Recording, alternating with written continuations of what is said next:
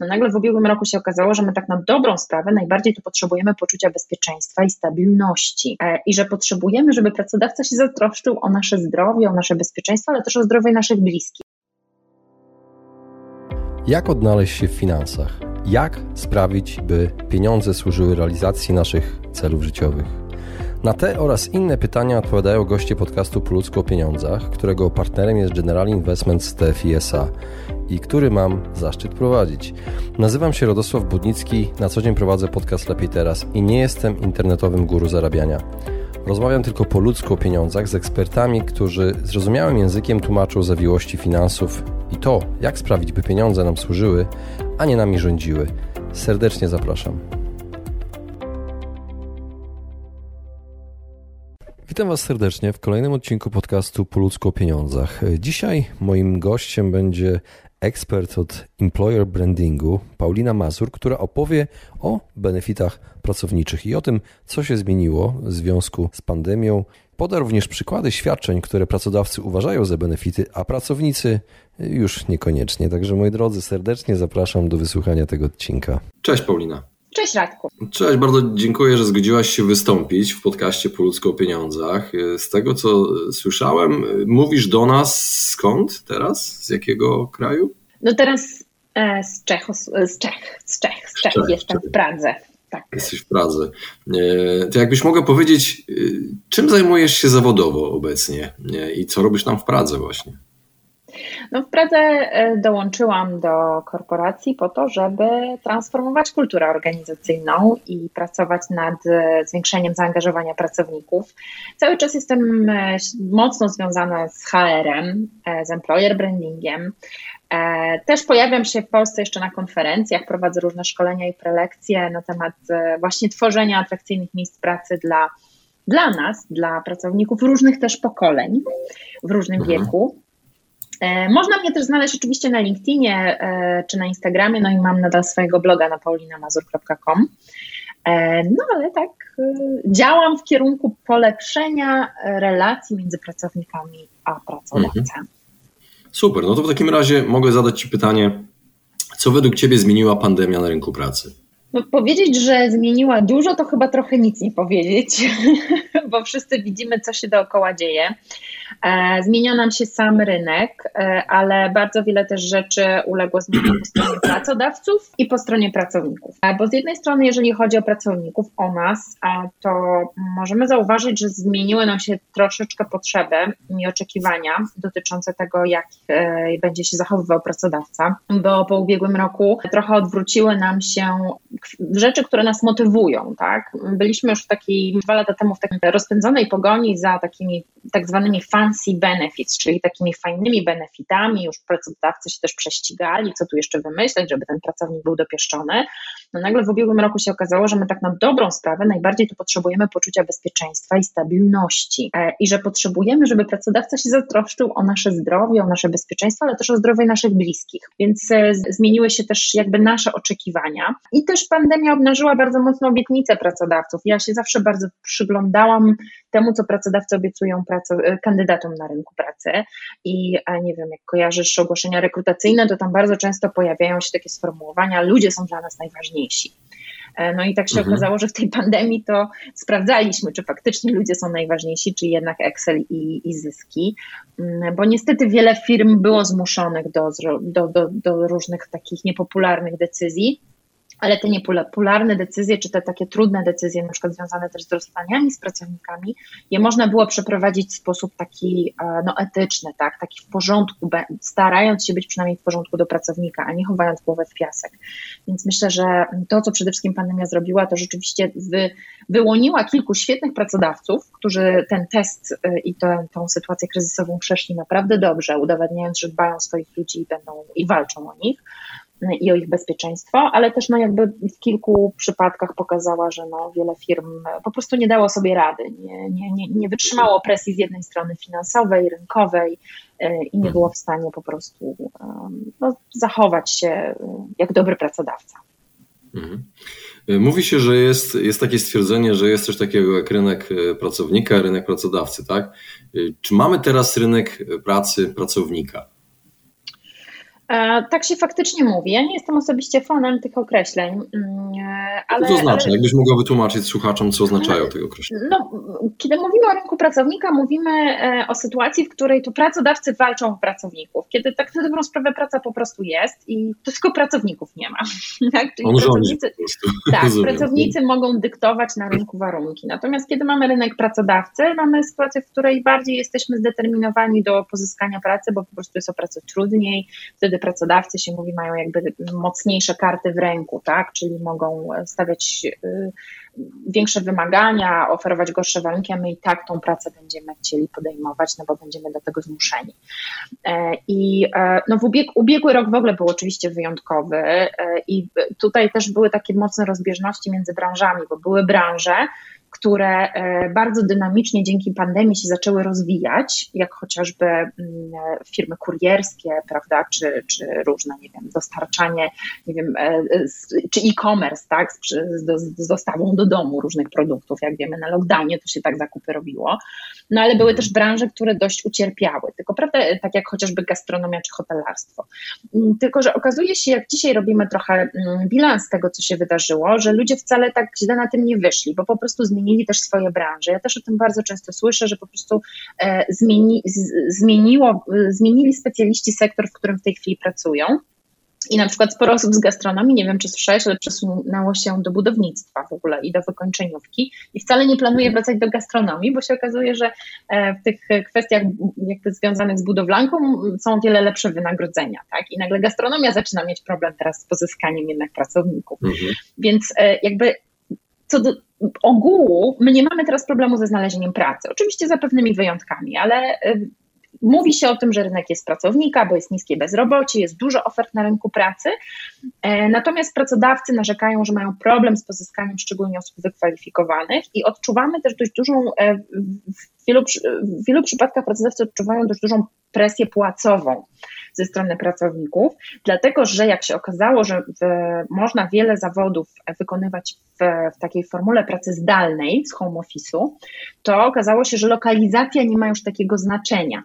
E, I e, w związku z tym ci pracodawcy, którzy kiedyś byli, że tak powiem, e, no mieli tych pracowników z lokalnego rynku pracy, no teraz mają trochę wyzwania, no bo już wcale nie jesteśmy tak związani ze lokalizacją i z kim pracujemy. I pojawia się mhm. coraz więcej zagranicznych firm, które też e, kontraktują e, specjalistów e, na pracę zdalną i jest im obojętnie, gdzie te osoby mieszkają. I, i tutaj firmy zagraniczne oferując większe warunki, lepsze warunki wynagrodzeniowe, również tą presję płacową, że tak powiem, też, też, też rozwijają. Ta presja jest coraz większa.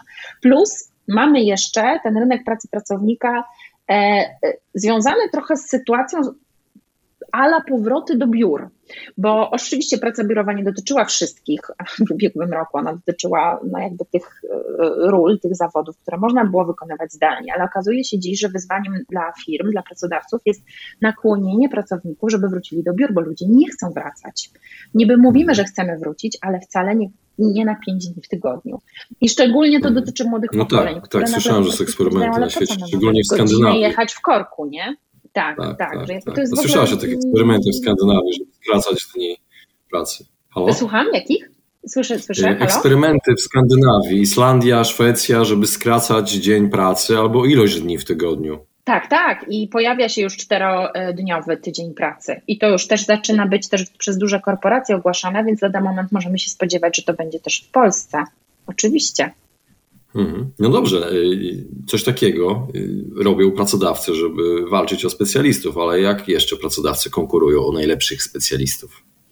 No, tu się też nic nie zmieniło, jeżeli chodzi o główny motywator i to, co jest najsilniejszą kartą przetargową, zawsze będą wynagrodzenia. Tak? E, wynagrodzenia, po prostu wyższe wynagrodzenie jest zawsze dla nas atrakcyjne do pewnego poziomu po prostu to wyższe wynagrodzenie jest rzeczywiście e, naszym jakby motywatorem numer jeden i też tą, e, tym, tym orężem, który, który jakby pracodawcy mm, stosują. Natomiast wielu pracodawców nie może, nie, nie pozwala sobie na podwyższenie wynagrodzeń, więc ma też jakby możliwości walki innymi narzędziami o tych pracowników.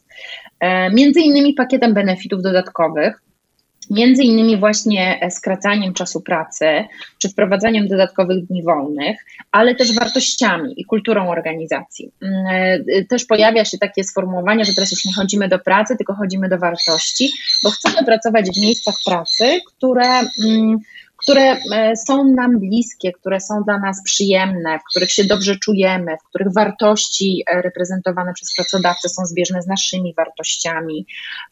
I, I my chcemy po prostu być e, w takich organizacjach, z których też jesteśmy dumni. I to, co jeszcze mm, pracodawcy ostatnio stosują, i to też jest ciekawy trend, o którym ja już mówiłam trzy lata temu, to jest to trend związany z pokazywaniem liderów na rynku, czyli z korzystaniem z tego, że coraz Y, częściej kandydaci, utalentowani pracownicy czy, czy specjaliści, oni przychodzą pracować nie do logotypów, czyli do jakiejś tam marki, tylko do określonych szefów. E, interesują nas menedżerowie, z którymi możemy pracować, tak? E, to, jak się będziemy mogli od nich uczyć, to, jaką oni atmosferę w swoich zespołach tworzą. W związku z tym też y, można zaobserwować na rynku, że pracodawcy coraz częściej tych swoich menedżerów, tą kadrę zarządzającą zaczynają pokazywać w ogłoszeniach rekrutacyjnych na stronie internetowej, w mediach społecznościowych, no bo my generalnie jak idziemy do pracy, to chcemy po prostu pracować z fajnymi ludźmi i to, to ma, zaczyna mieć dla nas też, y, zdajemy sobie sprawę, że to ma dla nas coraz większe mm, znaczenie i z tego pracodawcy też co bardziej świadomi korzystają. Mhm. Ten, y, ten taki uroczy dźwięk, to w tle, który słyszeliśmy, to jest kto? Oj, bardzo przepraszam, papuga. Papuga, która się postanowiła rozedrzeć po prostu. No nie mam na nią wpływu, słuchajcie, to papugi po prostu jak chcą, to się odzywają nieproszone zazwyczaj. Tak, więc papuga was pozdrawia. Gdyby to było wideo, to byłby viral. No. Tak, e, tak. Paulina, tak. A, powiedz, a powiedz według Ciebie, które z tych benefitów, które wymieniłaś, są na topie? Według Ciebie, z tego co słyszałaś? Co jest e, najbardziej? To też ciekawe, jak się to po pandemii zmieniło, e, e, bo te, też trochę myśmy się spodziewali, że się po pandemii to jakoś całkowicie w ogóle wywróci do góry nogami, ale wcale aż takiej ogromnej zmiany nie ma, bo nadal na topie są oczywiście świadczenia związane ze zdrowiem, z wypoczynkiem. Te karty multisportu nadal są interesujące, chociaż oczywiście nie mieliśmy szans z nich korzystać e, w ubiegłym roku, ale rosną na znaczeniu różnego typu benefity związane z dobrostanem naszym również psychicznym i z wypoczynkiem. I tutaj mm, nawet Sodexo ostatnio opublikowało taki raport Dwa Światy, e, gdzie analizowało e, benefity oferowane pracownikom produkcyjnym i pracownikom biurowym. I okazuje się, że dla pracowników biurowych najważniejszy jest elastyczny czas pracy. I to mnie właśnie zupełnie nie dziwi, szczególnie po ubiegłym roku. No my po prostu już nie chcemy siedzieć od do, tylko właśnie elastyczny czas pracy, zmniejszone godziny, mm, dodatkowe dni e, na home office, dodatkowe dni wolne, ale też poszerzone pakiety medyczne, które obejmują też naszą rodzinę. E, i świadczenia różne sportowo-rekreacyjne. A dla pracowników z kolei e, fizycznych, produkcyjnych, to duże znaczenie mają dodatkowe dni płatnego urlopu i faktycznie nam po prostu zaczyna na tych dniach wolnych zależeć. I myślę, że to też jest trochę zasługa pandemii, bo, e, bo my zaczęliśmy doceniać chyba czas spędzony z rodziną, tak? Zobaczyliśmy, że to jest ważne i te wolne dni um, chcemy więcej mieć tych wolnych dni, ale też dofinansowanie wczesów, no i oczywiście posiłków, bo to jest takie realne mm, odciążenie budżetu naszego domowego. Więc e, mhm. myślę, że generalnie to, co w benefitach wiesz, jest ważne i, i to, co, żeby sprawdzać, co jest na to, odpowiedź na to, co jest na topie, mm, to tak na dobrą sprawę powinien sobie każdy pracodawca zadać sam i sprawdzić, co jest na topie w mniemaniu jego pracowników.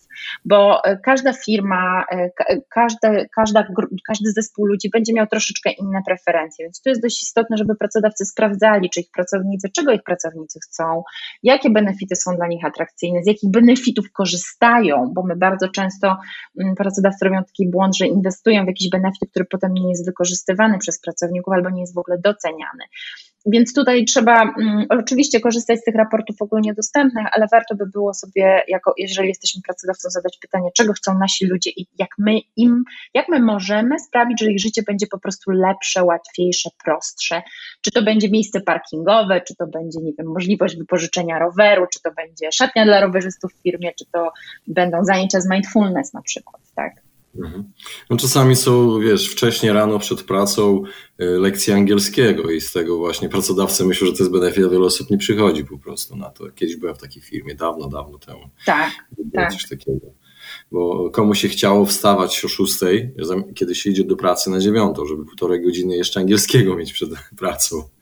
Tak, tak, to trzeba być rzeczywiście zdeterminowanym. Ale też właśnie ostatnio um, rozmawiałam z pracodawcą, który właśnie wykupił też dostęp do takiej, wiesz, platformy online'owej z różnymi kursami, e, mhm. dostępnej w ogóle przez telefon, przez laptopa, no jak tam sobie życzysz. I tych licencji wykupił dla wszystkich pracowników. Okazało się, że korzysta 15% osób. Więc jakby zupełnie niepotrzebny wydatek, bo wystarczyło kupić tylko tyle tych licencji, ilu faktycznie było chętnych, więc to też zostało tak. później zmienione. Ale to trzeba weryfikować cały czas. No właśnie, a propos tego, co powiedziałam, co ty powiedziałaś, czy są jakieś świadczenia, yy, które pracodawcy uważają właśnie za benefity, a pracownicy nie, nie za bardzo już postrzegają tego jako benefit? Yy, słyszałaś na przykład o owocowych czwartkach? No tak, to już nie jest benefit. E, w ogóle swoją drogą to też jest ciekawe, jak pandemia zmieniła te benefity, bo te owocowe czwartki się zamieniły na przykład w paczki z owocami wysyłane do domów pracowników, o, nie? To już jest e, fajne. E, wiesz, myślę, że jeżeli chodzi o te benefity, to też zależy właśnie, bo to też zależy, do czego nasi ludzie są przyzwyczajeni, albo do czego nasi ludzie, do czego naszych pracowników przyzwyczaił ich poprzedni pracodawca. Bo my mamy taką tendencję, że jak coś już mamy dość długo, jak na przykład nie wiem, opieka medyczna, to my tego już nie patrzymy jako na pakiet, e, jako ekstra benefit, to już jest po prostu standard w firmach, ponieważ wszystkie firmy to oferują. I myślę, że to jest ten moment, kiedy wszystkie firmy zaczynają oferować pewne e, świadczenia, choćby karta multisport czy prywatna opieka medyczna. My przestajemy to postrzegać jako benefit, bo my po prostu oczekujemy, że to będzie pewną normalnością. E, więc tutaj jest, e, tutaj trochę je, idziemy na takie, wiesz, e, no idziemy na, na licytację w pewnym momencie, kto ma tego więcej, mm, ale mm, też myślę, że po ubiegłym roku znowu takim dość wybijającym się benefitem, który nie jest postrzegany jako benefit, jest właśnie praca zdalna, elastyczny czas pracy. Bo pracodawcom się cały czas wydaje, że jak wpiszą w ogłoszeniu dwa dni home office w miesiącu, no to jest jakaś atrakcyjna rzecz, a tak na dobrą sprawę dla właśnie pracowników szczególnie biurowych, tak, którzy mogą ten home office realizować, którzy w ubiegłym roku na przykład siedzieli na lockdownie cały czas na home office, to jest jakaś abstrakcja. Dlaczego nagle to jest benefit dwa dni, jak okazywało się, że ja umiem pracować cały czas z domu, tak? Teraz to mm. benefitem jest raczej przyjście do biura, a nie, na, a nie w drugą stronę, więc... Um, więc to jest takie trochę absurdalne i to rzeczywiście e, bardzo taką e, wprowadza zamieszanie na rynku, bo każda organizacja sama sobie wyznacza pewne standardy w tym zakresie. E, I nikt do końca nie wie, co będzie najlepsze dla biznesu, co będzie najlepsze dla pracowników. Testuje się te modele pracy hybrydowej, tak, czyli częściowo zdalnie, częściowo w biurze. Z badań wiemy, że ludzie wskazują na trzy dni home office, dwa dni w biurze w tygodniu, ale nie każda firma chce taki model zostawiać. Bardzo jest duża taki chęć powrotu do tej w cudzysłowie normalności, która była przed pandemią, a to się już po prostu nie uda, bo ludzie już sprawdzili, że można inaczej i też już tego do końca nie chcą.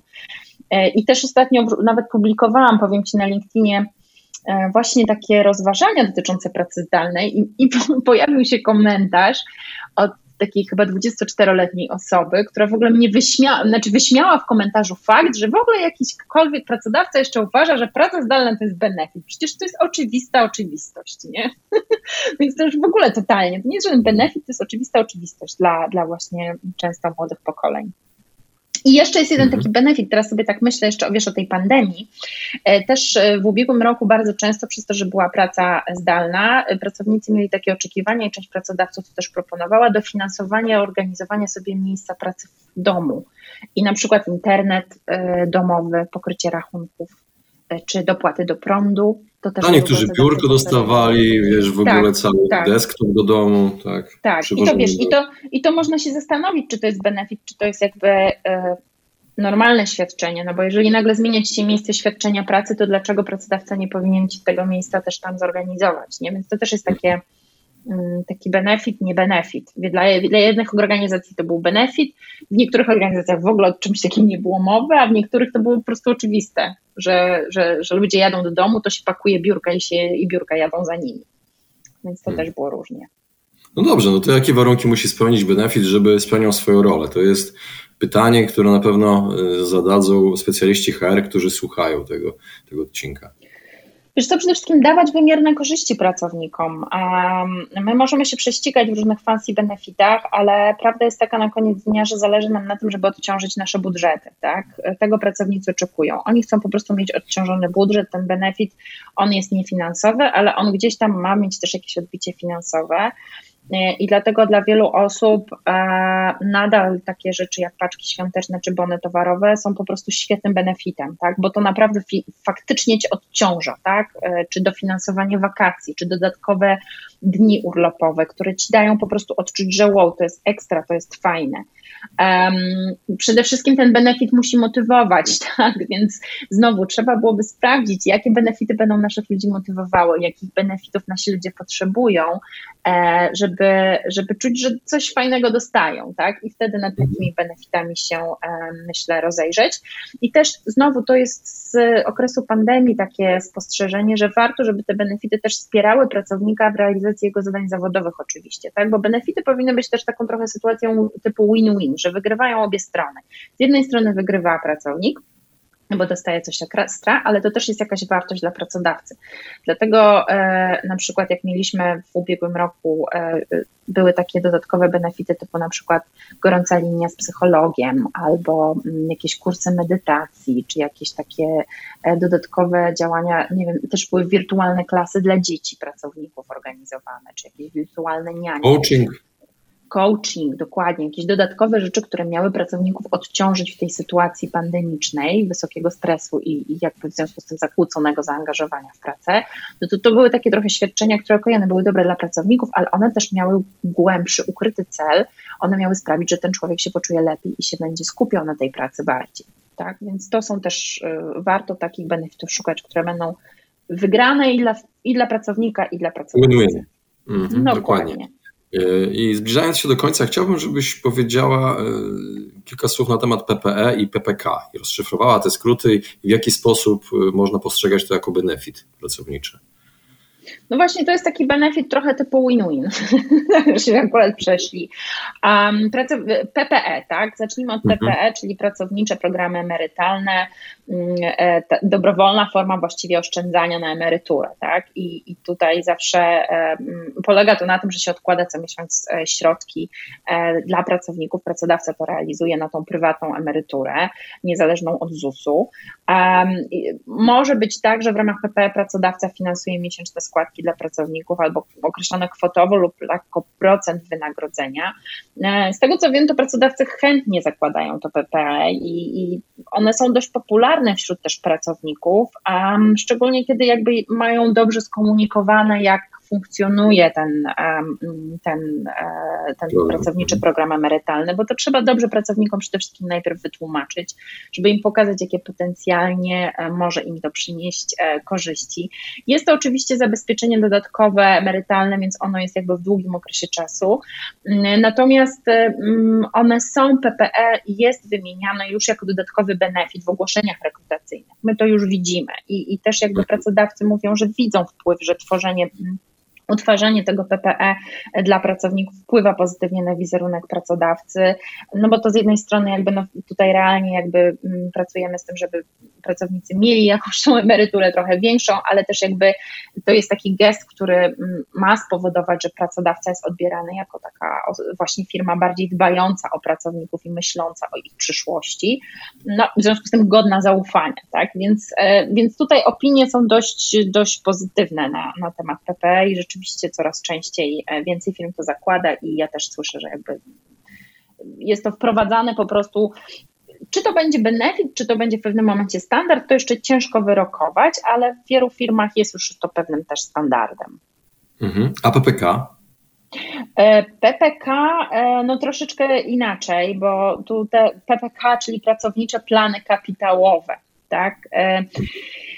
No tutaj to jest e, znowu długoterminowe, dobrowolne oczywiście. E, no jest to program oszczędzania i jest wiele dobrych przykładów na realizację tych pracowniczych planów kapitałowych w firmach w Wielkiej Brytanii, Czechach czy Nowej Zelandii. E, natomiast w Polsce jeszcze one nie do końca są postrzegane jako benefit. tak to nie jest benefit y, wyjątkowy dla Polski, to jest też za granicą funkcjonuje. Tak, tak, oczywiście. E, od, od lat są współfinansowane tego programy przez pracodawców za granicą.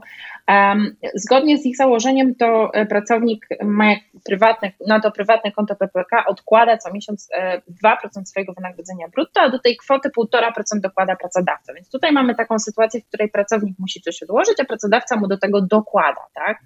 Mhm. Czyli ja muszę coś ze swojego wynagrodzenia zapłacić dodatkowo. Czyli no taka tutaj... motywacja, jest też takie, tak, tak, taka, że tak powiem, marchewka.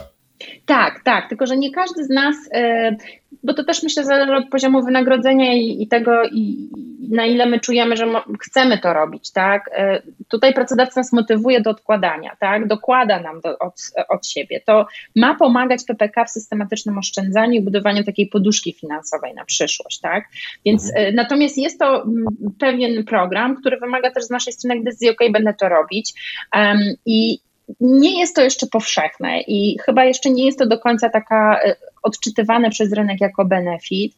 I znowu tutaj kluczową rolę pełni komunikacja i wyjaśnienie, na czym to polega, jakie są to korzyści. Myślę, że pokazanie też przykładów, zasymulowanie pewnych, jak to może wyglądać na konkretnych kwotach, pokazanie tego pracownikom, bo o tyle, o ile dla osób, które mają już pewien wyższy poziom wynagrodzeń osiągają, to będzie to być może łatwiejsze podjąć decyzję, aby do takiego programu przystąpić. Dla nich to będzie faktycznie benefit, bo i ta kwota będzie wyższa, i ta kwota dokładana przez pracodawcę.